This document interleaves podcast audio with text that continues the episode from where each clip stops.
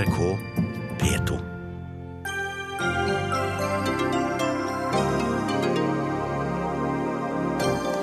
Vinmonopolet bør ta over taxfree-en på flyplassene, mener Senterpartiet, og kan få stortingsflertallet med seg. Men ikke Frp, som kaller forslaget tullete. Finansministeren lurer folk når hun lover at skattekutt gir flere arbeidsplasser, sier SV.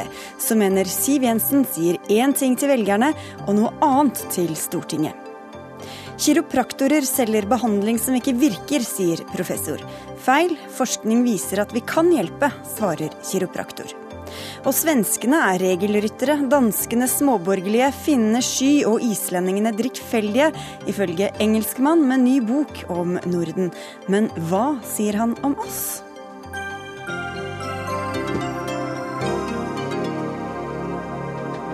Dette er noen av sakene i dagens Dagsnytt 18 på NRK P2 og NRK2, hvor vi også får plass til debatter om kraftkabler og Litteraturhuset. Jeg heter Sigrid Solund. Stadig flere avgiftsfrie vin- og brennevinsflasker er for mange blitt en naturlig begynnelse og avslutning på flyreiser til utlandet. Men nå kan det gå mot en endring av taxfree-ordningen. I et forslag som skal behandles av Stortinget i høst, ber Senterpartiet og KrF om at Vinmonopolet skal overta utsalgene, og at hele ordningen gjennomgås på nytt. For å ta det første først, Kjersti Toppe, du er helsepolitisk talsperson i Senterpartiet. Hvorfor bør Vinmonopolet overta? Vi ønsker å styrke Vinmonopolet sin eh, stilling. Eh, vi ser jo at en økende del av alkoholsalget skjer via taxfree. Og problemet er at det er med å undergrave Vinmonopolet sin stilling, sånn at de ikke kan utvikle det butikkonseptet som de vil, og som befolkningen òg ønsker seg. Så mener vi at Vinmonopolet vil kunne drive taxfree eh, i kontrollerte og gode former på flyplassen, og at det er mer logisk at inntektene går til Vinmonopolet enn til et utenlandsk selskap. Men hvilke forskjeller vil folk merke da, når de lander eller reiser og skal kjøpe? Eh, taxfree-ordningen skal jo bestå ved dette forslaget, så det er jo forskjellen er hvem som driver det. Det som en vil kunne merke, det er jo, og som, som vi ønsker, det er jo en, en, litt mindre aggressiv måte å selge alkohol på. Det er jo en del eh, f.eks. barnefamilier som har reagert på at eh, alle må gå i en kanossagang gjennom alkoholpallet for å komme seg inn eller fra et utenlandsfly. Så der håper vi på en endring, men det skal være fortsatt mulig å få kjøpt taxfree med dette forslaget.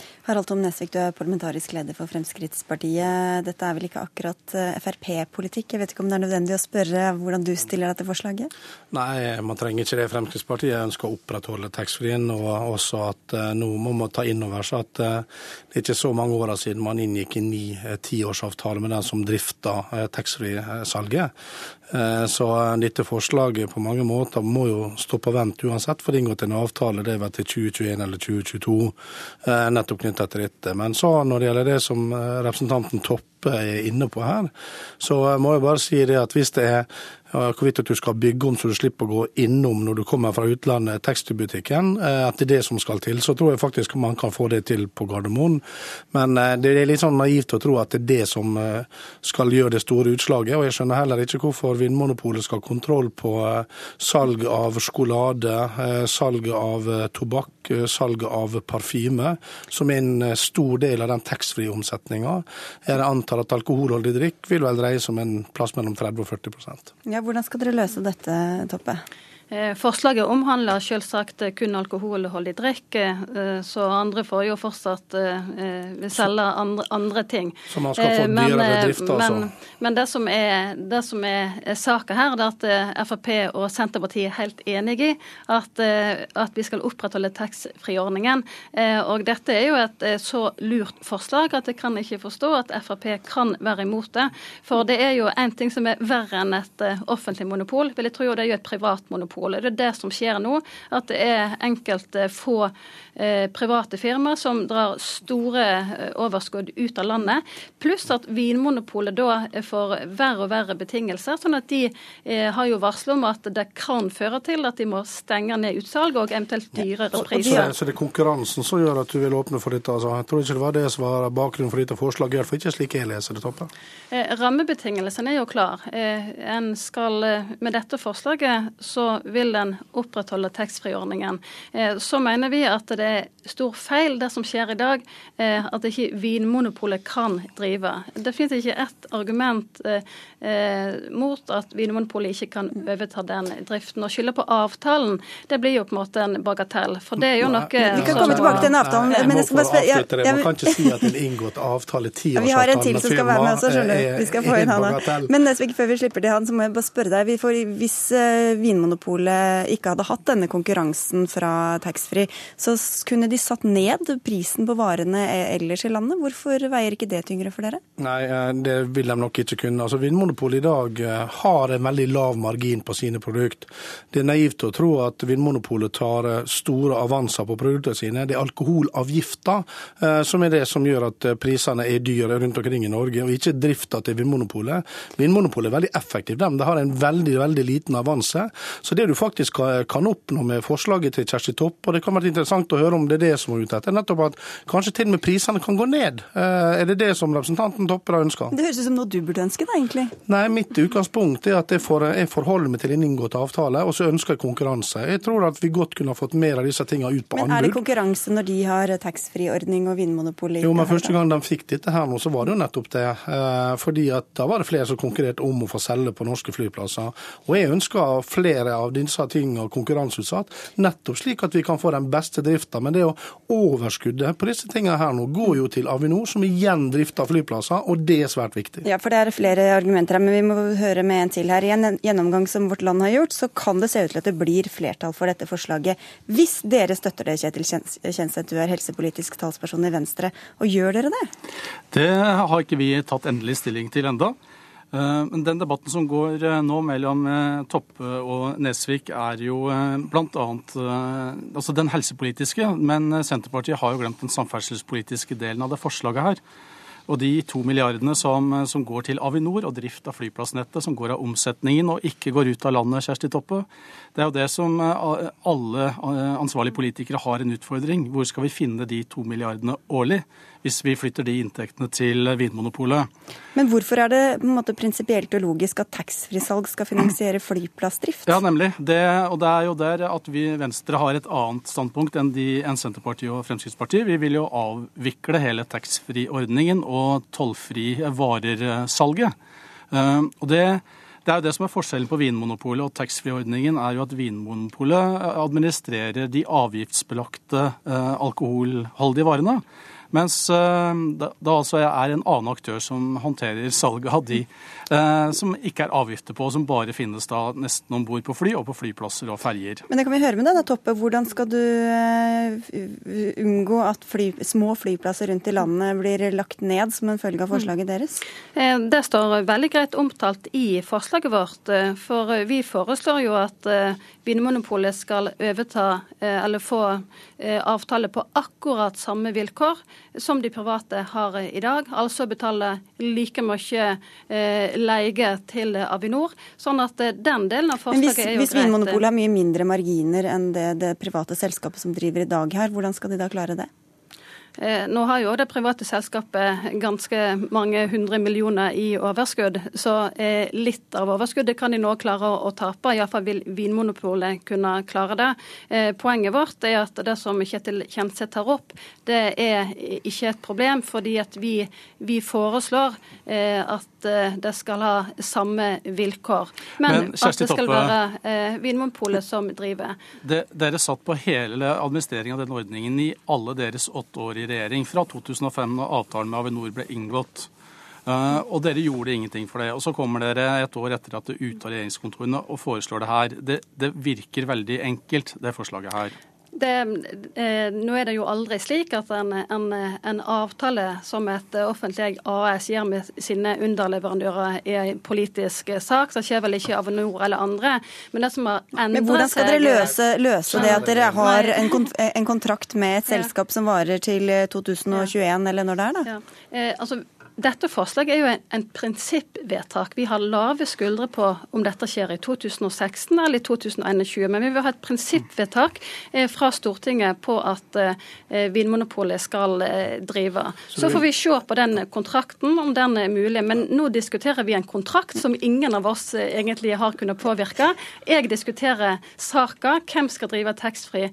Mm. Og, eh, og Venstre vil avvikle taxfree-en. Det syns jeg er et nobelt forslag. Men det som er mulig å få politisk flertall for, er nettopp vårt forslag som ligger her og nå. Og det er en som sitter og rister veldig på hodet her ja, i studio. fordi at uh, Å si at man har ingen påvirkningskraft knytta til dette altså, Så vidt meg bekjent så har altså man sittet i en rød-grønn regjering, en flertallsregjering, der man kunne ha tatt opp alle disse tingene akkurat sånn som man har ønska. Dette er noe som Senterpartiet kommer med nå fordi at de ikke fikk gjennomslag for politikken sin i regjering. Fordi at det er faktisk slik at uh, Avinor er et heileid uh, offentlig selskap. Og det styres faktisk gjennom departementet som en generalforsamling.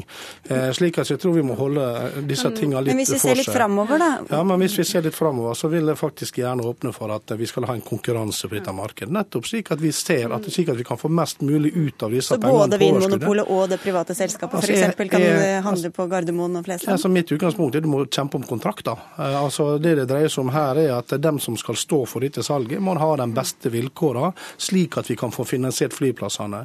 Men eh, med å skille slik som nå Kjersti Toppe tar til orde for, så vil det altså medføre høye utgift, høyere utgifter. Du må ha flere ansatte, du må skille disse butikkene. Du trenger annen type areal, andre typer måter å sluse folk inn på. Det gjør også at det blir mindre penger til småflyplassene. Og jeg trodde faktisk at Senterpartiet var opptatt av distriktene, men eh, Senterpartiets forslag her er faktisk med på å legge ned flyplassene. Okay, du får få en kort kommentar før vi skal slippe til tjeneste til slutt her, Toppe. Mm. Eh, nei, jeg har eh, forklart at det vil ha ingen konsekvenser for, for drift av små flyplasser med vårt forslag. Men det som er den eh, endringen nå i forhold til når vi satt i regjering, det er at taxfree-salget har økt veldig mye. Etter eh, regjeringen og endret på kvotene, så har jo salget gått ned opp mot eh, 20% eller hva det var jeg leste. Sånn at eh, I Vinmonopolet. Ja, i mm. Vinmonopolet. Så det er en veldig alvorlig situasjon for Vinmonopolet dersom en ønsker å ha et vinmonopol. Nei, altså, forbruket, altså, forbruket har gått ned siden 2008 når det gjelder alkoholsalg i Norge, så nå må vi prøve å holde fakta. Men det må jeg bare høre, vi har tida vår løper fra oss her. Men Kjenseth, mm. hva skal til for at dere uh, blir med og lager et flertall for dette forslaget fra Senterpartiet og KrF? Det er å diskutere prinsippene her. Eh, og hvis eh, flertallet er for at vi skal ha taxfree-omsetning, så er vi åpne for at Vinmonopolet kan drifte det like så, eller bedre enn en annen aktør. Eh, men det ligger litt fram i tid, for er, da er det faktisk masse juridiske og økonomiske utfordringer som vi blir stilt overfor. Så noen endring i høst får vi ikke? Nei, det her ligger fram til 2025. Det er altså faktisk å få endra på det her. Det blir mange debatter før den tid. Det, får... det blir interessant, og da regner med at både jeg og Kjersti Toppe er ute av politikken. La oss i hvert fall håpe det. Takk skal dere ha i hvert fall for at dere var med mens dere nå er aktive. Dagsnytt 18 alle hverdager kl 18.00 på NRK P2 og NRK2.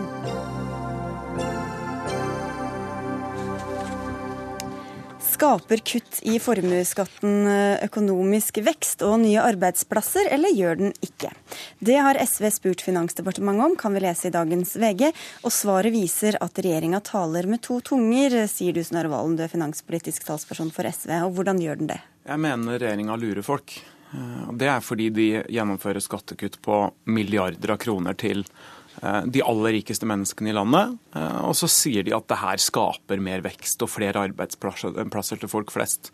Eh, men det sier de bare i intervjuer og i stortingssalen og når folk eh, hører etter. Når de er nødt til å sette seg ned og skrive noe som er sannferdig, f.eks. i brev til oss på Stortinget, så tør de ikke skrive det samme. For du har sendt brev til Finansdepartementet og bedt om hva? Ja, jeg spurte Finansdepartementet om hvor mange nye arbeidsplasser finansministeren antar vil oppstå som følge av at man har kutta i formuesskatten. Og det svaret er ganske illustrerende. Der svarer Siv Jensen skriftlig at eh, noen eventuelle virkninger av å kutte i formuesskatten vil være beskjedne, og at det først og fremst vil føre til at folk sylter med mer penger i sparing.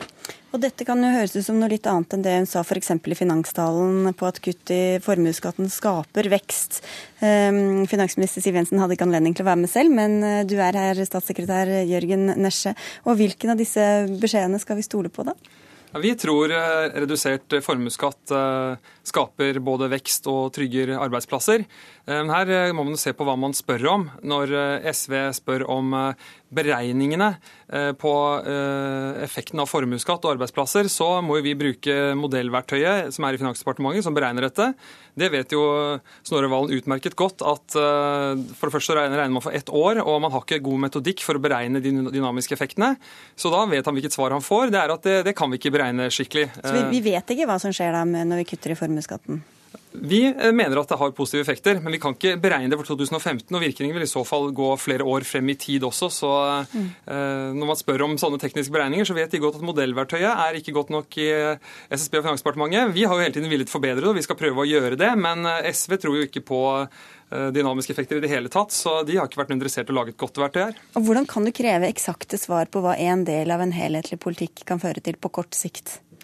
Jeg syns vi skal kunne kreve klare svar på om regjeringa veit konsekvensen av å flytte på mange milliarder kroner. Eh, når man styrer landet, så påvirker man millioner av mennesker sine liv, og man gjør viktige prioriteringer. Men hadde du ventet deg, ja det blir 613 nye arbeidsplasser neste år, og de blir 40% mer stabile, eller altså, hva er det du hadde sett for deg? Jeg hadde sett for meg at de kunne vise til erfaringer fra andre land, erfaringer med å gjøre lignende ting i Norge tidligere. Finansdepartementet regner jeg med har god oversikt over hvordan formuesskatten fungerer. Men det det her viser, er jo at Siv Jensen veldig sterkt ønsker at det er høytsvevende teoriene hennes om at hvis du bare gir mer til de på toppen, så får alle det bra. Hun ønsker at det skal være sant.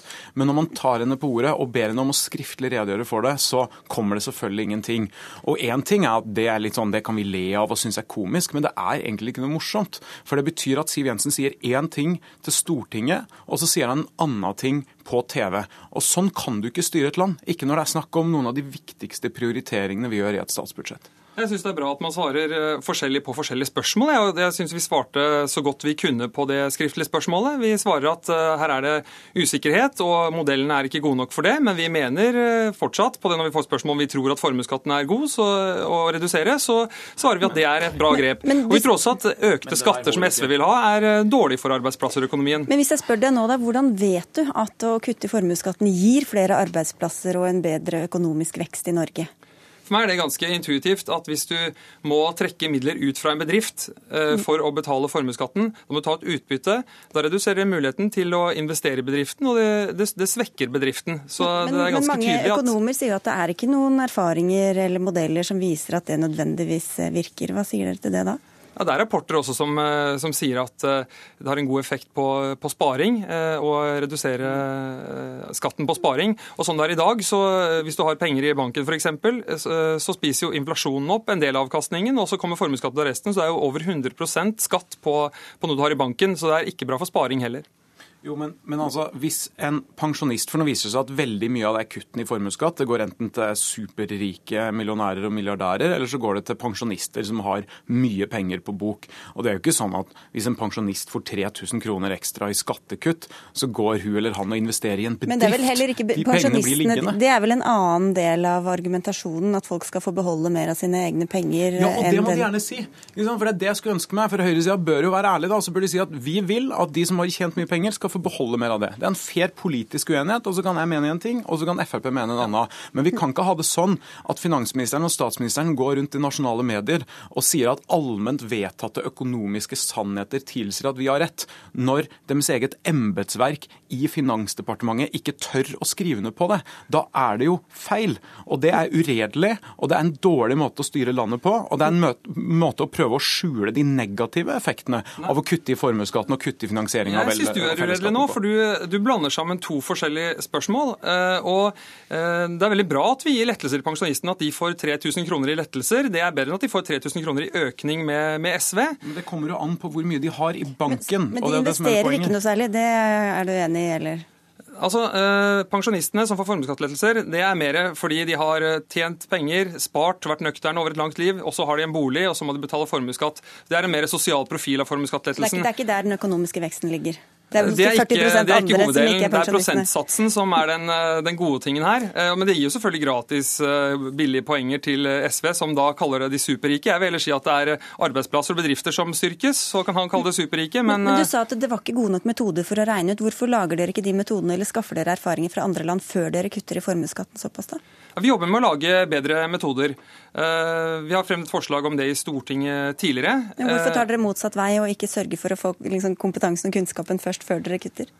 Vi har gjerne lyst til å få gjennomført kutt i formuesskatten, for vi mener det er, eh, er, bra for norske bedrifter og norsk næringsliv. Eh, så skal vi få på plass bedre metoder, men eh, vi kan ikke bruke flere år på å utrede det og så gjennomføre viktige kutt. Da må vi, vi må vise handlekraft. Det er regjeringen satt inn for å gjøre. Er det noen grenser mener du, Snorre for hvor høy formuesskatten kan være før, går, før det går utover konkurranseevnen og innovasjonen? Ja, Det kan godt hende. og En av grunnene til at vi har Finansdepartementet, er at de skal kunne svare på sånne faglige, gode spørsmål. og Det er de tydeligvis ute av stand til. Og mens vi sitter her og diskuterer det statsministeren kaller og finansministeren kaller liksom økonomiske sannheter uten å vise til den virkelige verden, så er hele resten av verden opptatt av at forskjellene øker dramatisk. Sjøl IMF og Verdensbanken sier at det er en av våre største utfordringer nå. Og Så velger regjeringa å gjøre det motsatte, og det må de gjerne gjøre. og stå for det politisk. Men hvorfor var deres innretning akkurat den riktige? Liksom? Dere gjorde jo også litt endringer underveis? Ja, vi gjorde endringer underveis. Vi sørga for at mange færre betaler formuesskatt. Men, men dere endte på det perfekte nivået for, for Jeg skulle gjerne ha øka noe mer for de som er aller rikest, i tråd med anbefalingene fra f.eks Thomas, eh, økonomen Thomas Piketty. Jeg hører veldig mye rart her. Altså, sånne modeller, økonomiske modeller det blir aldri den virkelige verden. Det blir i beste fall et anslag, og det eh, må bistå så mye antagelser. Så du får aldri Nettopp. detaljerte, gode svar. Nettopp. Men vi syns vi har gjort gode resonnementer på dette, og vi syns vi gjør et riktig grep. Og det er det eh, bedrifter etterspør. De mener det hemmer dem, og vi tror dette er et godt grep. Og det er ikke så vanskelig å skjønne at hvis du lar mer bli i bedriften, så blir den styrket. Men det her er jo hele poenget. For du må gjerne kutte i formuesskatten hvis du syns det er lurt. Ja. Men du kan ikke hevde at det skaper flere arbeidsplasser når ingen erfaring i den virkelige verden tilsier det. Har dere empiri for alt dere sier eh, som skal understøtte deres politikk? Når jeg ikke har empiri for det jeg sier, så later jeg ikke som jeg har det, og da skryter jeg det ikke på meg. Og det er det som er poenget her. Det er å villede folk. Og det er ganske alvorlig når det er snakk om mange milliarder kroner. Da kan du ikke i Stortinget si det handler om å gjøre det mulig å skape nye arbeidsplasser, og så skrive et brev hvor det står det antas at eventuelle virkninger på sysselsettinga vil være relativt beskjedne. Det, det, går ikke an. Du får få en liten kommentar til det til slutt, Nesje. Ja, vi villeder overhodet ikke folk. og uh, Snorre Valen har jo da stilt et spørsmål som uh,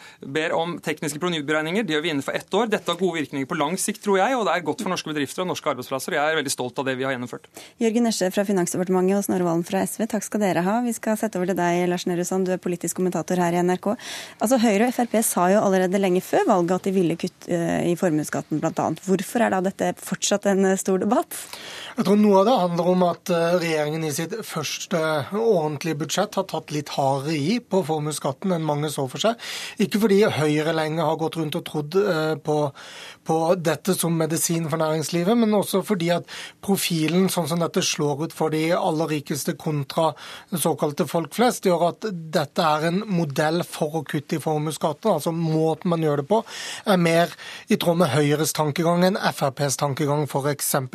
Og så skjer jo dette i, altså, samtidig med at man eh, også gjør endringer i eh, trygdeopplegget og barnetillegget, sånn at det blir i den større historien eh, en, en, en, politikk som passer inn i det fiendebildet av høyreregjeringen som, som opposisjonen, den rød-grønne opposisjonen ønsker å tegne og ser seg tjent med å tegne.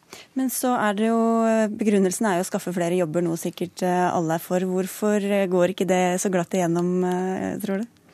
Først og fremst fordi, som vi, vi hører og leser den senere tiden etter budsjettet kom, det er vanskelig å finne helt konkrete kunnskapsmessige bevis på at det blir en, en helt direkte eh, effekt. Og Det er ikke så, så uh, vanskelig å forstå, fordi det, er, det, det, finnes ikke bare én virkelighet, men mange virkeligheter i hva bedriftene vil ø, ø, bruke de pengene, og privatpersoner vil bruke de pengene til. Som regjeringen selv sier, så vil man sannsynligvis spare mye kanskje bruke det på å, eh, på å, ansette flere. Men om en hotelleier med litt mer penger mellom hendene vil bruke de på å ansette én person til på hotellet sitt, eller pusse opp f.eks., det er vanskelig å, å, beregne fra Finansdepartementet i Oslo. Nå skal dette forslaget til budsjett eh, gjennom en behandling i Stortinget. Hvor er det kampene kommer til å stå da, tror du? I møte med Venstre og Kristelig Folkeparti sitt, eh, sine alternative forslag, så vil det handle om den større historien om man ønsker å omfordele veldig mye penger inn i den historien hvor barnetillegget og trygdeendringene også, også, er en del. Og Da tror jeg vi vil få en diskusjon om man skal eh, senke satsen som alle som betaler formuesskatt eh, betaler, eh, så mye som regjeringen har foreslått, og om man skal eh, bruke penger på å heller øke innslag utgangspunktet, sånn at man får det noen vil kalle en mer sosial profil når man først skal endre eh, formuesskatten, hvis det er det man skal. Uansett eh, ser det ikke ut til at NHO får gjennom sitt ønske om å fjerne hele formuesskatten med det første? Det står heller ikke i regjeringens plattform hvor de sier de skal trappe ned. Eh, og Der sier regjeringen det de har gjort allerede, nemlig både ved å øke innslagspunktet og, og senke, senke satsen. Takk skal du ha, Lars Nehru Sand.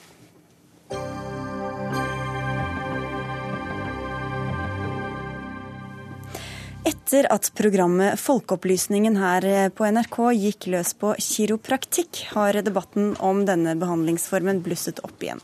Kiropraktorer selger oss sykdommer som ikke finnes, og behandlinger som ikke virker, skrev du i en kronikk nylig, Christian Gundersen. Du er professor i fysiologi ved Universitetet i Oslo. Og hva mener du med det? Ja, dette var jo særlig med tanke på den markedsføringen jeg har sett mot barn, hvor kiropraktorer snakker om en del sykdommer som jeg ikke tror finnes. Har, noen av dem har fancy name som Kiss og Kid og sånn. Skjevheter i ryggraden som, som ikke, ikke, er realiteter. Og det er også slik at eh, de diagnostiske hjelpemidlene kiropraktorene bruker, de snakker om ulike skjevheter, subluksasjoner, og de har noen andre navn på det også, er sannsynligvis fenomener som ikke finnes. De har iallfall ikke latt seg reprodusere. Og jeg tror ikke behandlingen virker. Det er, det er, mulig at det er noen virkninger mot vondt i ryggen, men de behandler jo veldig mye annet rart, inkludert spedbarnskolikk hvor det jo ikke har effekt. Så det er ikke bare spedbarnsbehandlingen du er kritisk til? men hele Jeg er særlig kritisk til den, for jeg syns at noen av disse klinikkene driver det jeg vil kalle en rå eh, markedsføring, hvor de appellerer til foreldres angst. Og jeg er selv småbarn, og, og det syns jeg er liksom en råtten form for markedsføring. Å, si at mitt barn er syk når det er bare tull, og at de skal betale meg for å redde barnet mitt. Det syns jeg er både ulovlig og dårlig gjort. Dette er vel ikke din eh, praksis, eh, Kasper Vincent Myhrvold, men du er like fullt nestleder i Norsk kiropraktorforening. Og hvordan vet dere om hvor, hvor mye og hvordan denne behandlinga virker, f.eks. da på småbarn? Vi vet at det virker på langvarig og akutte nakkesmerter og korsryggsmerter, som er hoveddelen av de tilstandene vi behandler. Hos voksne? Hos voksne og hos barn, sånn sett. Det, vi så det til og med på det eh, programmet som gikk her, sånn, som er et ganske skeptisk program. At nakkesmerter og korsryggsmerter, som vi behandler mest, så virker kiropraktikk. Og det har dere god forskning og belegg for å si? Det har vi med, medisinske teknologivurderinger både fra Danmark, England, Sverige og Norge. Og vi følger de kliniske retningslinjene på dette feltet til behandling av korsryggsmerter og nakkesmerter. Selv dette er jo veldig omdiskutert i vitenskapelige kretser. Det er jo ikke så lett å forske på det, fordi at behandlingen i seg selv er liksom så dramatisk. Det lager klikkelyder og gjør forskjellige ting. Sånn at placeboeffekten er stor, men selv det er veldig omdiskutert. Men, men det, det, kan vi jo da diskutere. Men, men det som vi ikke kan diskutere, er disse andre tingene tingene som kiropraktorer tar seg betalt for å behandle. Ørebetennelse hos barn f.eks. Krolikk. Og, og, en del andre lidelser. Jeg har til og med behandlet ME og autisme og sånne ting, hvor, det, hvor det, det, er åpenbart at det ikke virker. Det er ingen grunn til å tro at det skulle virke. En ut av tre nordmenn besøker kiropraktoren for deres muskel- og skjelettplager. De velger oss på, på tross av lave refusjonstakster og derav høyere egenandeler de velger oss fordi de kjenner at dette virker. Vi behandler muskel-skjelettplager. Jeg er helt enig med Gundersen. Vi har en del ting vi må forske mer på. Vi trenger forskning på en del eh, områder. Men vi kiropraktorer behandler muskel- og skjelettplager. Hvordan vet du at det ikke virker, hvis folk faktisk eh, opplever ja, det at det gjør det? Det syns jeg er et veldig godt eh, spørsmål å svare på. fordi at Dersom vi skulle på en måte høre på bare hva folk sa, hva du og jeg sier etter å ha vært hos en eller annen behandler, så ville jo alle behandlinger virke. Tidligere trodde man alle at eh, årelating virket, f.eks. Det er jo ingen som tror på det lenger, men den gangen trodde alle på det. Klysterer drev man med. Det er en masse ting man har drevet med som folk har trodd på uh, i, i, århundrer, og som ikke virker. Så de er ikke noen gode rettesnor. Men altså når man undersøker dette, teller opp ordentlig, gjør dobbelt blindforsøk, den type ting som vitenskap driver med, så viser det seg altså at dette ikke virker. På noe Ei heller på nakke og rygg? Vel, der er det altså som sagt omdiskutert, og det virker i hvert fall ikke bedre enn annen behandling, sånn som eh, trening, fysisk trening og medikamentell behandling. Og jeg må jo si, siden jeg er muskelfysiolog og for en gangs skyld snakker om noe jeg har greie på, så er det altså slik at det å tro at sånn ytre manipuleringer av muskler og ledd skal være noe særlig viktig i forhold til det å bruke dem, det virker på meg helt urimelig ut fra det jeg vet om disse organene. Men er det noen motsetning med å bruke dem og få knadd dem, eller det er selvfølgelig, Ja, det er det. fordi at virkningen av å kna er så overfladisk sammenlignet med det som skjer når du faktisk bruker dem. Det er enorm f.eks. økning i blodsirkulasjon når du bruker dem, som du ikke klarer å etterligne selv om du masserer aldri så hardt. Altså. Men nå snakker vi også om, vi om manipulasjon igjen. Kiropraktikk er ikke bare manipulasjon. Jeg har en femårig kandidatutdannelse fra Syddansk universitet. Jeg kan veldig mye mer enn bare den manipulasjonsbehandlingen. Vi bruker det hver dag, og vi følger de kliniske retningslinjene i forhold til behandling av muskel- og skjelettlidelser som er vist som fungerer. Men hva med de andre behandlingene av barn f.eks.? Hvorfor behandler dere eller for ME eller de andre diagnosene som Gundersen lister, og hvorfor behandler dere sykdommer som dere ikke, ikke har Vi har en egen profesjonsundersøkelse, og det er svært, svært få som behandler disse tilstandene. Vi behandler muskel- og skjelettplager. At man har saumfart eh, hjemmesider og websider for å finne noen ytterst eh, få som gjør dette her er ikke mangfoldet. Vi behandler nakke, korsrygg, muskler, skjelett. Så hvis, noen, ja, hvis kiropraktor behandler spedbarn. For, for kolikk, så mener du at det ikke er akseptabelt? Jeg sier at vi vet ikke hva kolikk er. Jeg sier at jeg behandler muskel- og skjelettplager. Jeg får eh, folk som kommer og spør meg jeg kan hjelpe dem med kolikkplager. Eh, da sier jeg ganske raskt at jeg behandler muskelskjelett. Jeg vet ikke hva kolikk er, og det går kun ut til muskel. Og hvis den kolikken går over som følge av at jeg har sett stiv muskulatur og gjort noe med den, så er det en positiv bieffekt som vi alle er glade for. Så du behandler det, altså? Jeg behandler eh, spedbarn som har muskel- og skjelettplager etter en eh, tøff fødsel eller eh, har ligget Ja, Men da er vi tilbake til en del av disse her sykdommene og tilstandene som, som ut fra Nei, det jeg kan vurdere, ikke finnes. Det tar jeg fullstendig avstand fra. Vi behandler muskel- og skjelettplager. Ja, Men hvordan vet du at de har muskel- og skjelettplager, og at det er muskel- og skjelettplagene som er grunnlaget for, det, for, det, for, de, for den gråten da, som kolikk er? Nei, når jeg snakker kolikk, så hvis jeg ikke finner oss, så kommer jeg ikke til å behandle dem heller. Så men, men, men, så hva slags diagnostiske hjelpemidler bruker du, da? Hvordan kjenner du at de har muskelplager? Stram muskulatur, stive ledd ledd, fascia som er, er, stram. Det er mange modaliteter vi bruker ja, for å kjenne det. Og vi kan ofte også reprodusere en viss form for smerte eller ubehag hos barna. Og hvis vi ikke finner dem, så behandler vi det ikke heller. Men så vidt jeg vet, så er disse diagnostiske hjelpemidlene du beskriver, det er ikke da latt seg reprodusere? Nei, men er, en ting er at vi ikke har latt seg reprodusere, en annen ting er at det ikke er gjort nok forskning på det. Og det er derfor vi stipendiatorer også etterspør mer forskning. Ja. Vi vil ha en nasjonal utdanning på øverste nivå, ja, det... nettopp for å få økt Hos Hans universitet? Hans universitet og Hans medisinsk fakultet har sagt de vil gjerne ha ja, denne utdanningen. Ja. Og det er litt rart når du sitter med dine egne, at faktisk Medisinsk fakultet i Oslo vil gjerne ha jo, denne utdanning de, de for å få for mest mulig forskning på et svært vanskelig felt som plager flest mulig nordmenn. Nå blir ikke rektor glad her, eh, Gundersen. Nei, det er mulig. Eh, men, eh, men han har nå heller ikke uttalt seg om dette, så vidt jeg vet. Det er Det medisinske fakultetet alene som har uttalt seg. Og... Ja, det tror jeg sier mer enn nok, ja. At de, at de ja, vil ha men de, de, får, vil ha en satsing. Ja, fordi de får godt betalt for det. Jeg har tilfeldigvis satt meg litt inn i politikken bak det der, og de får godt betalt for det. Så det er det som ligger til grunn. Så du mener at de skal ha, få penger for dette? derfor de skal gjøre det? Ja, det mener jeg. Og jeg tror ikke det er en vitenskapelig vurdering som ligger til grunn. Det er liksom en e- egen debatt. Her føler jeg vi kanskje burde hatt Det medisinske fakultetet. Men før vi slutter av her, hva er faren ved det? Du nevnte jo årelating. Det kan vel kan man tenke seg ha negative konsekvenser. Men ved å gå til en kiropraktor og føler seg bedre etterpå, kanskje slapper av mer i musklene også som en følge av det, enten det er behandlingen eller ikke som har virket? Det er betydelige bivirkninger. Eh, jeg tror det er en sånn som halvparten av pasientene som rapporterer økt smerte etter å ha vært kiropraktor.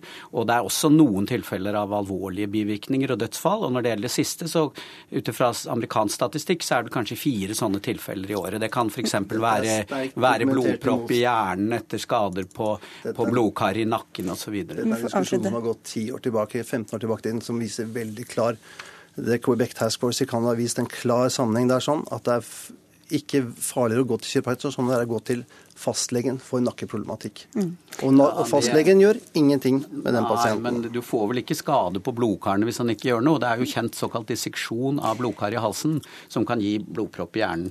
Veldig kjent bivirkning. Det er ikke så veldig vanlig, men det hender, og det er veldig alvorlig. Den er svært sjelden, og du vet utmerket godt at det er like farlig å rygge ut bilen som å gå til en medisinsk undersøkelse når du først er utsatt for disse tilfellene. Jeg tror vi må avslutte der, så får vi ta en telefon til Det medisinske fakultet på eh, One of these days. Eh, takk skal dere ha, Christian Gundersen eh, Universitetet i Oslo og Kasper Vincent Myhrvold fra Norsk kiropraktorforening. Takk.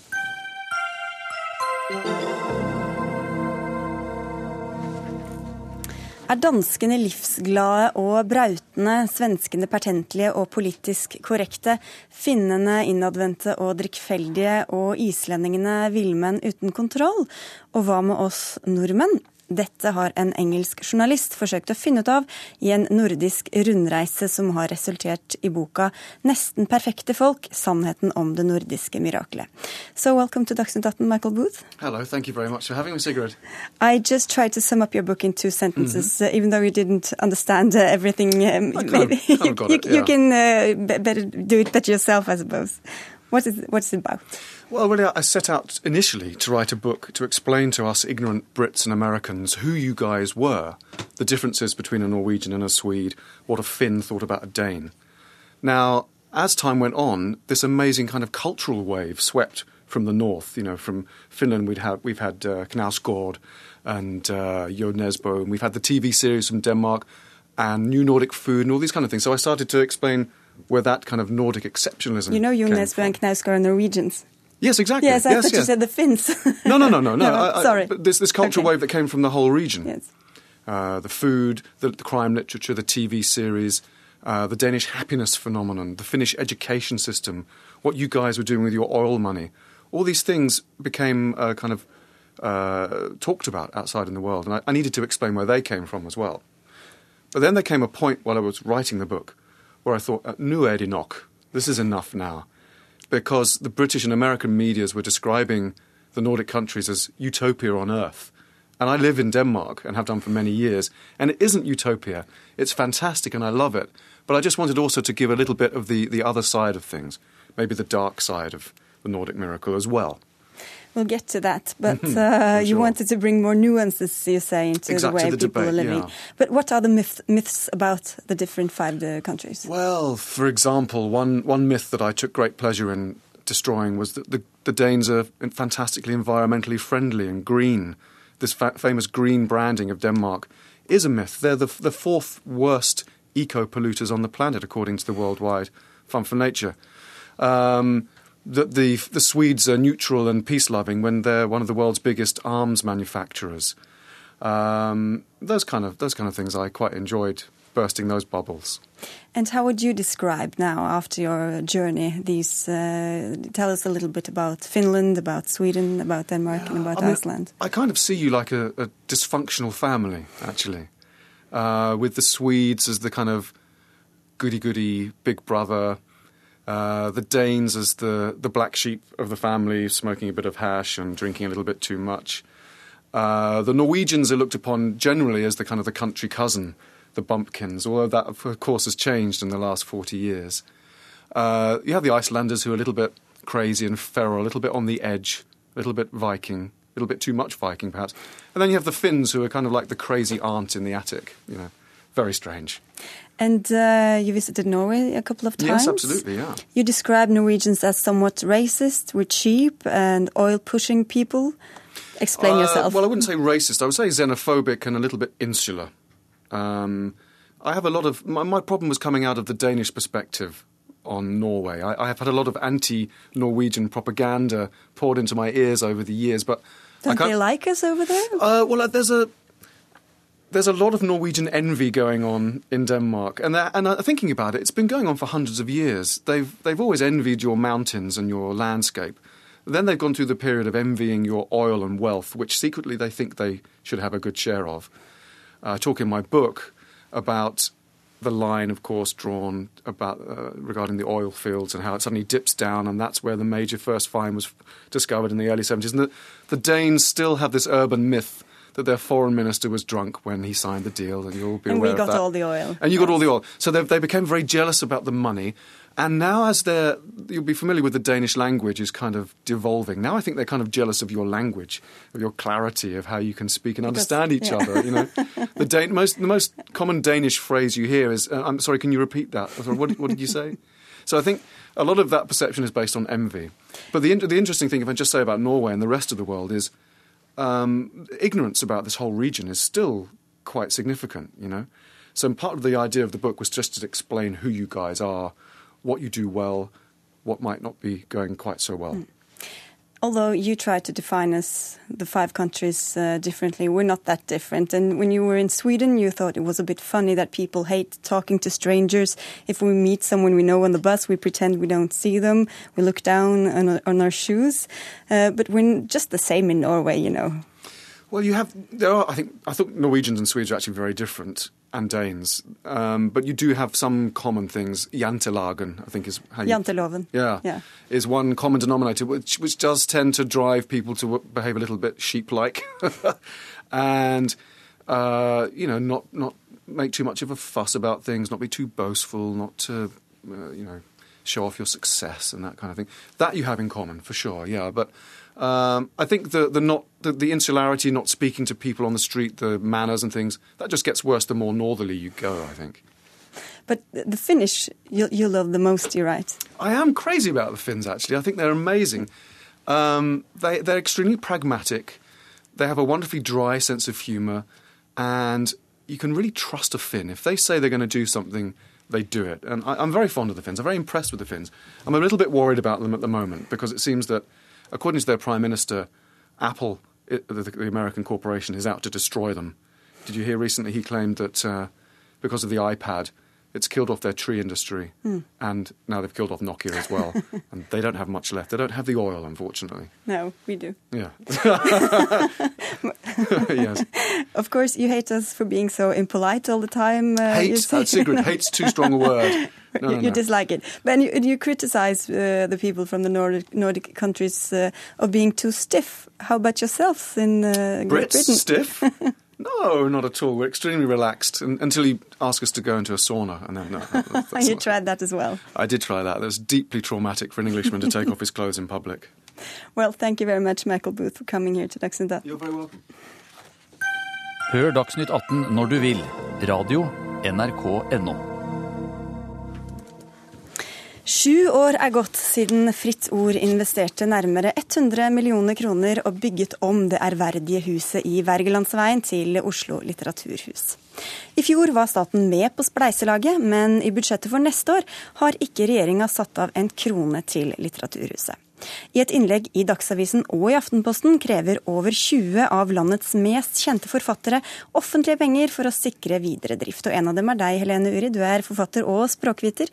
Hvorfor eh, ville du være med å signere dette, eh, dette innlegget? Fordi jeg syns litteraturhus er en viktig arena for både oss som Altså jeg sitter jo her både som forfatter, men også som kulturkjerring. Jeg sitter jo her både som en som er på Litteraturhuset og snakker om mine bøker, og som er på Litteraturhuset og hører om andres bøker.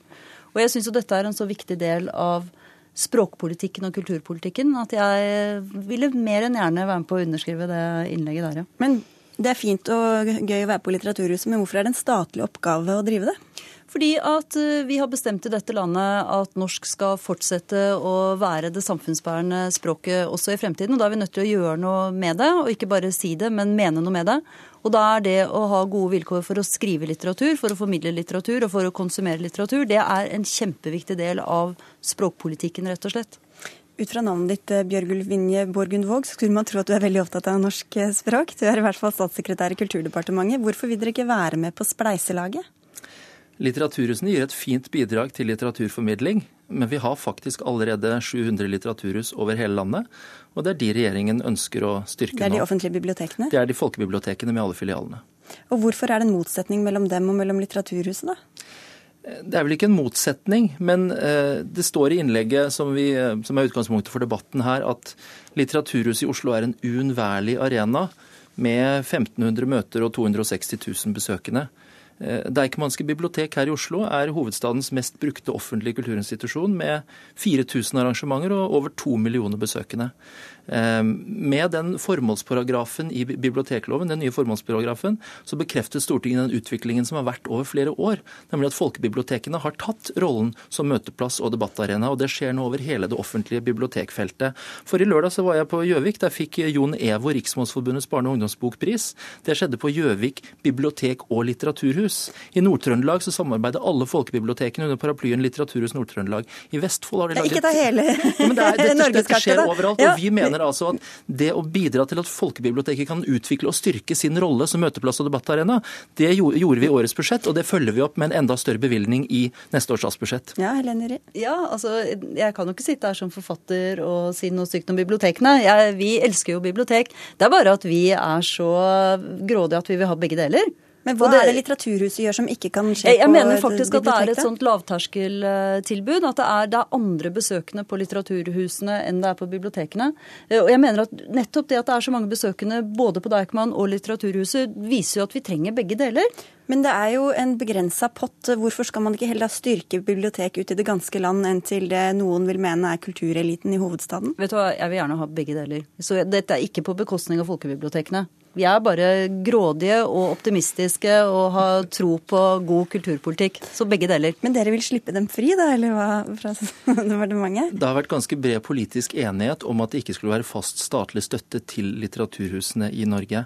Eh, regnskapene til Litteraturhuset i Oslo viser at de har brukt 88 millioner til å pusse opp huset, og så har de brukt 10 millioner i året i drift. Eh, det var klart da støtten kom fra Fritt Ord at det ville være en tidsbegrenset støtte. Så har vi altså sett da at Litteraturhuset i Oslo, Litteraturhuset i Bergen og Litteraturhuset i Fredrikstad ikke klarer å drive på egne inntekter og annen støtte, og da mener de at da må det offentlige stille opp. Litteraturhusene gjør en flott jobb, men jeg mener at vi må prioritere folkebibliotekene først. Men hvorfor må dere prioritere? Hvorfor kan dere ikke ha begge deler? Politikk handler om å prioritere, og i budsjettmessig sammenheng så handler det om hvilke oppgaver syns vi er viktigst å gjøre nå. Stortinget bekreftet med endringen i folkebibliotekloven at bibliotekene skal være en møteplass og debattarena. Vi vet når vi ser på bevilgningen til folkebibliotekene, som jo er en kommunal oppgave, de siste 15 årene, så har utgiftene til lønn og administrasjon de har fulgt prisutviklingen, men utgiftene til an, annen drift og medier ved bibliotekene det har stått stille nominelt de siste 15 årene, og så har det gått ned med ca. 30% Det er viktig at kommunene ser den gode oppgaven, altså hvor viktig det er å styrke bibliotekene, men vi ønsker å bidra til at de kan ta den nye rollen som de har fått fra Stortinget med ny formålsparagraf i folkebibliotekloven, og derfor så vil vi styrke utviklingsstøtten til folkebibliotekene.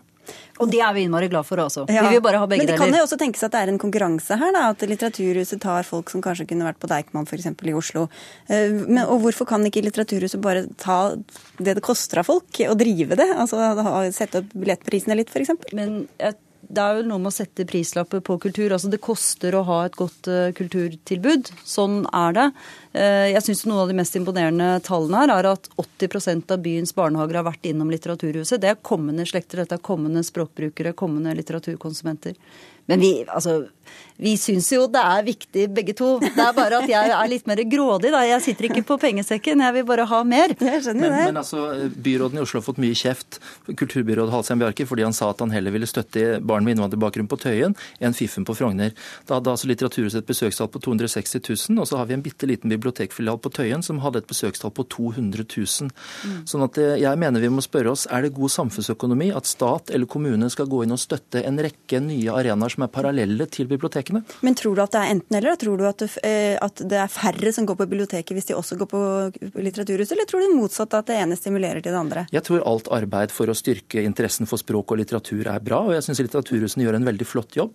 Men jeg mener det er viktig at vi nå prioriterer folkebibliotekenes utvikling før det skal gå inn med statlig støtte til litteraturhus rundt om i landet. Men dere er jo ellers glad i private initiativer, og her er det bare snakk om en liten bit av, eh, av budsjettet, sånn som jeg har forstått det. Og Fritt Ord sier også at hvis ikke de eh, får støtte videre, så kan det hende at det blir vanskelig, eller at, at private initiativ blir reddere for å starte opp nytt. Hva syns du om det, da? Fritt Ord gikk inn med et veldig sjenerøst bidrag over en årrekke, og gjorde klart at det var den perioden de ønsket å støtte det for.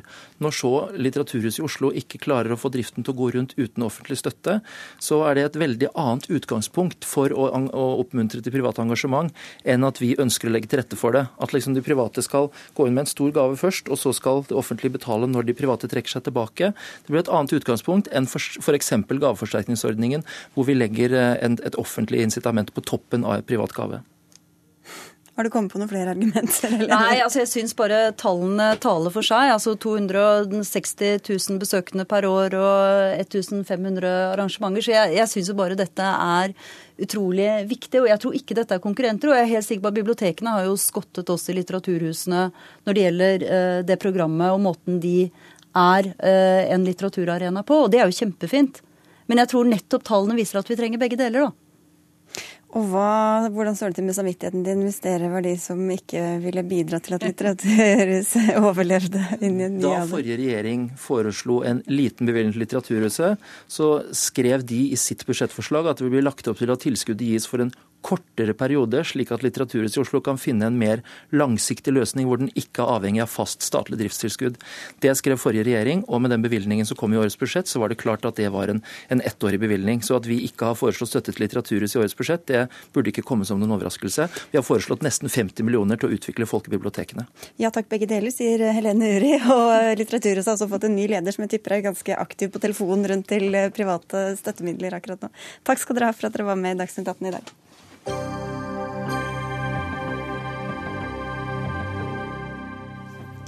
Regjeringa har gitt konsesjon til to nye strømkabler som skal ta norsk miljøvennlig strøm fra vannkraft og sende den til kontinentet. Men kablene kommer til å fungere som sugerør som suger ut Norges industrielle, industrielle framtid, sier du Nicolas Wilkinson, du er leder i Sosialistisk Ungdom. Hvorfor betyr disse kablene døden for norsk industri, mener du? Vel, Når vi eksporterer strøm, så importerer vi europeiske strømpriser. Og Statnett i sin egen analyse sier at de vil øke strømprisene for en vanlig familie med 1000 kroner i året. Og Fortell oss bare litt sånn hvorfor det, dette henger sammen. Ja, og det er det at Norsk kraftkrevende industri, som er verdens reneste, aluminium f.eks., bruker 60-70% av kostnadene sine på strøm. Så den strømøkningen som er litt vond for vanlige forbrukere, det kan ta knekken på norsk prosessindustri.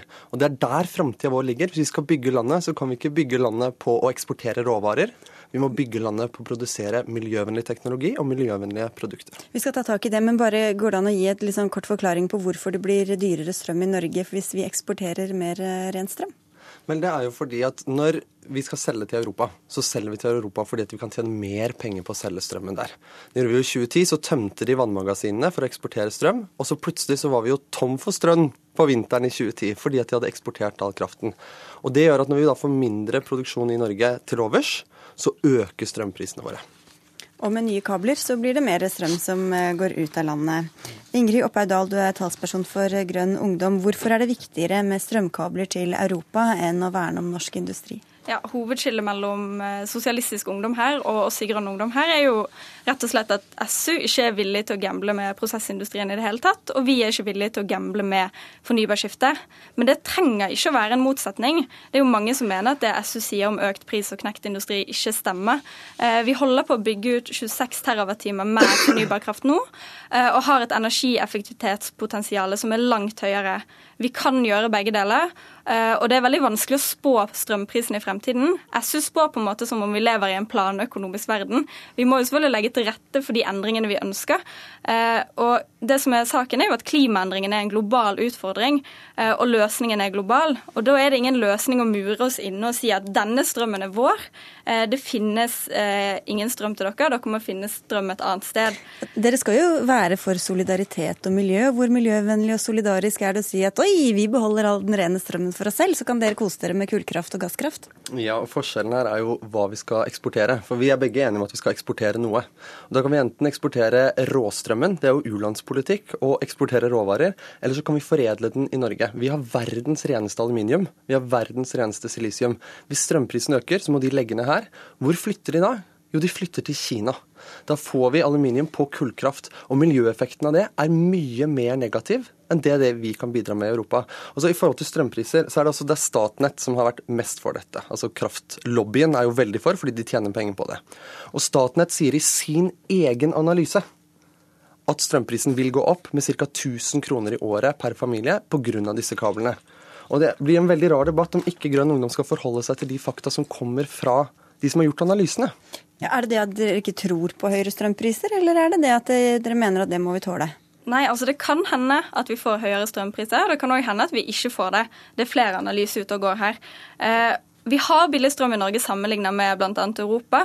Og vi har fortsatt som sagt et urealisert potensial for energieffektivisering. Og så er det jo sånn at det om at den premisset om at Kina vil ta over produksjonen hvis det går dårlig her, eh, er ganske feilbar på flere måter. F.eks. For fordi man forutsetter at Norge ikke klarer å skjerme egen industri og egne arbeidsplasser. Altså, Vi har allerede avgiftsfritak for el til industri. Eh, og vi kan se på andre tiltak når det skulle være nødvendig. Og for det andre så er det sånn at hvis vi får en bindende klimaavtale, en global avtale, så vil det ikke lenger lønne seg å produsere skittent. Og da må jo man regne med at norsk industri kjapt vil bli konkurransedyktig igjen, og en skjerming bare vil være midlertidig. Altså, Hvis SU ikke er enig i det, så regner jo de med at vi ikke klarer å løse klimakrisen. Og her er vi helt enige. Vi er enige med at vi vil ha en bindende klimaavtale, men det forandrer fortsatt ikke det faktum at Norges største konkurransefortrinn i disse industriene, det er billig kraft. Og nå vet vi at 7600 personer har mista jobben sin i olja bare dette året. Regjeringen vi har, gjør ingenting for å hjelpe dem. Det betyr at vi nå holder på å miste den industrielle framtida vår. Vi mister Norges evne. Ligger den i olja, mener du? eller? Til nå så har den gjort det. Og jeg vil jo ikke at den skal gjøre det. Jeg vil at den skal ligge på miljøsida. Og vi har verdens reneste aluminium, verdens reneste silisium. Og silisiumen det er det som går inn i solcellepanelene. Og hvis vi skal bygge solceller, så må vi produsere de et sted. Og i Norge så er de renere enn noe annet sted i verden. Det gir klimagevinst, men det å eksportere arbeidsplassen til Kina, det er dårlig for klimaet. Men hvorfor kan man ikke si at noen bedrifter f.eks. får en kompensasjon for eh, økte strømpriser, da, hvis det er noen eh, satsinger man vil ha f.eks. For innen fornybar? Ja, og det gjorde jo, når vi satt i regjering, så sikra jo vi et industrikraftregime for industrien. Men det Industri Energi, som er fagforening på dette feltet, selv sier, er jo det at når strømprisen øker, så er det jo kraftselskapene de skal jo tjene penger. De er jo styrt av profitt. Men dem er du ikke så opptatt av, da? At de, at de kan tjene mer penger jo, når de eksporterer? Og det er jo problemet hvis de skal ta profitt. Hvis de kan tjene mye mer penger på å selge strøm til utlandet, så kommer de til å gjøre det. Da øker de prisen Men hvorfor er du ikke opptatt av de arbeidsplassene i, i kraftindustrien, da? Jeg er kjempeopptatt av de, og derfor skal vi jo foreslå oss å bygge ut mye mer fornybart i Norge. Men spørsmålet er hvordan skal vi bruke den kraften når vi først har den? Enten så kan vi eksportere råvaren strøm, eller så kan vi eksportere strømmen i fast form, i metaller, i produkter som kan være med å løse klimakrisa. Men Nikolas, vi kan jo faktisk gjøre begge deler. Vi har et kraftoverskudd, og vi har stadig økende nedbørsmengder. Eh, og det, denne her politikken dere syns er både usolidarisk og gammeldags, fordi at vi har som sagt overskuddskraft. Eh, og jeg føler at denne her frykten for en massiv arbeidsløshet i veien til et fornybarsamfunn er en stråmann. Det er masse som må gjøres, både på veien dit og i et fornybarsamfunn. Altså vi må bygge grønn infrastruktur, drifte jernbanenett, isolere hus, montere solcellepaneler eh, og en haug med andre ting. Eh, og selvfølgelig er det òg plass til kraft, eh, kraftkrevende industri i den kabalen der. Men det er jo ikke sånn at det er enten-eller. det er Men hvorfor tror du ikke noe på at, eh, at f.eks. aluminiumsindustrien flytter til andre land hvis de får høyere strømregninger her, da? Fordi at jeg tror vi har muligheten til å skjerme egen industri og egen arbeidsplass hvis vi ønsker det, og at det er en bedre måte å gjøre det på i en midlertidig overgang før vi får på plass en global avtale som gjør at det vil være ulønnsomt å produsere skittent, eh, sånn som Nicolas da er redd for at skal skje utenfor Norge. Men her er det jo faktisk sånn at dette er faktisk bare rent saklig sett feil. Eh, vi kan skjerme dem noe, som vi har gjort til nå, men pga. EØS-avtalen så kan vi faktisk ikke skjerme dem. Og så vil jo SU vil jo trekke Norge ut av EØS.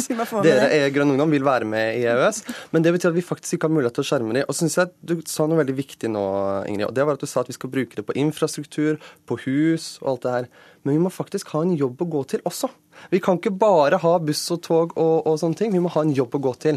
Og da snakker vi om hvordan vi bygger landet, og vi bygger Norge som land ved å bruke kraften vår til videreforedling og arbeidsplasser, ikke på å eksportere den ja, til utlandet. Leve av eh, hvis norsk industri går dukken? Det var jo nettopp det som var ja. poenget mitt. at disse her, uh, tingene vi skal ha, jernbanenett osv., er noe som må bygges og driftes. Og der ligger det arbeidsplasser vi ikke har i dag. Det er folk som må utvikle den moderne teknologien vi skal leve av og eksportere. Både kunnskapen og produktene.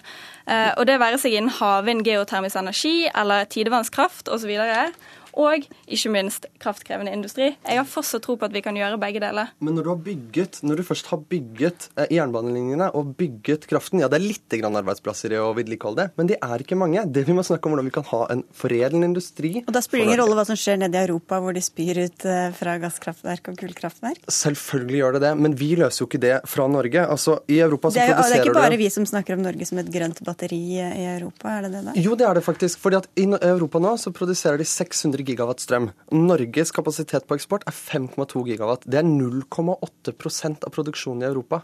Det er et musebiss i havet, av mangel på bedre ord, som ikke har noe å si for Europa. Europa er jo i gang med sånn massivt eh, en overgang, da. Og hvis ikke norsk vannkraft skal være balansen i dette Vi kan jo ikke gi all kraft Europa trenger, selvfølgelig, men vi kan være balanse når det ikke blåser eller er sol i Europa. Hva er det du mener skal være den balansekraften i Europa hvis ikke norsk vannkraft? Og hvordan skal vi løse klimakrisen som er global, hvis man ikke hjelper andre land med å få det til? Ja, jeg vil at Europa skal produsere fornybar strøm selv, og så vil jeg bruke vår egen strøm til fornybare produkter i Norge. Hva syns du om det er SU som kommer med det her, da, helt på dampen? Nei, altså jeg syns det er merkelig at SU sin solidaritet nå har skrenka seg inn til å ikke gå lenger enn til Norges grense. Det eh, overrasker meg.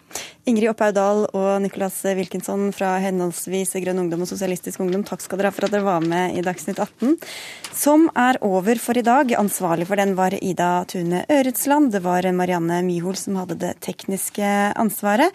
I studio satt Sigrid Elise Solund.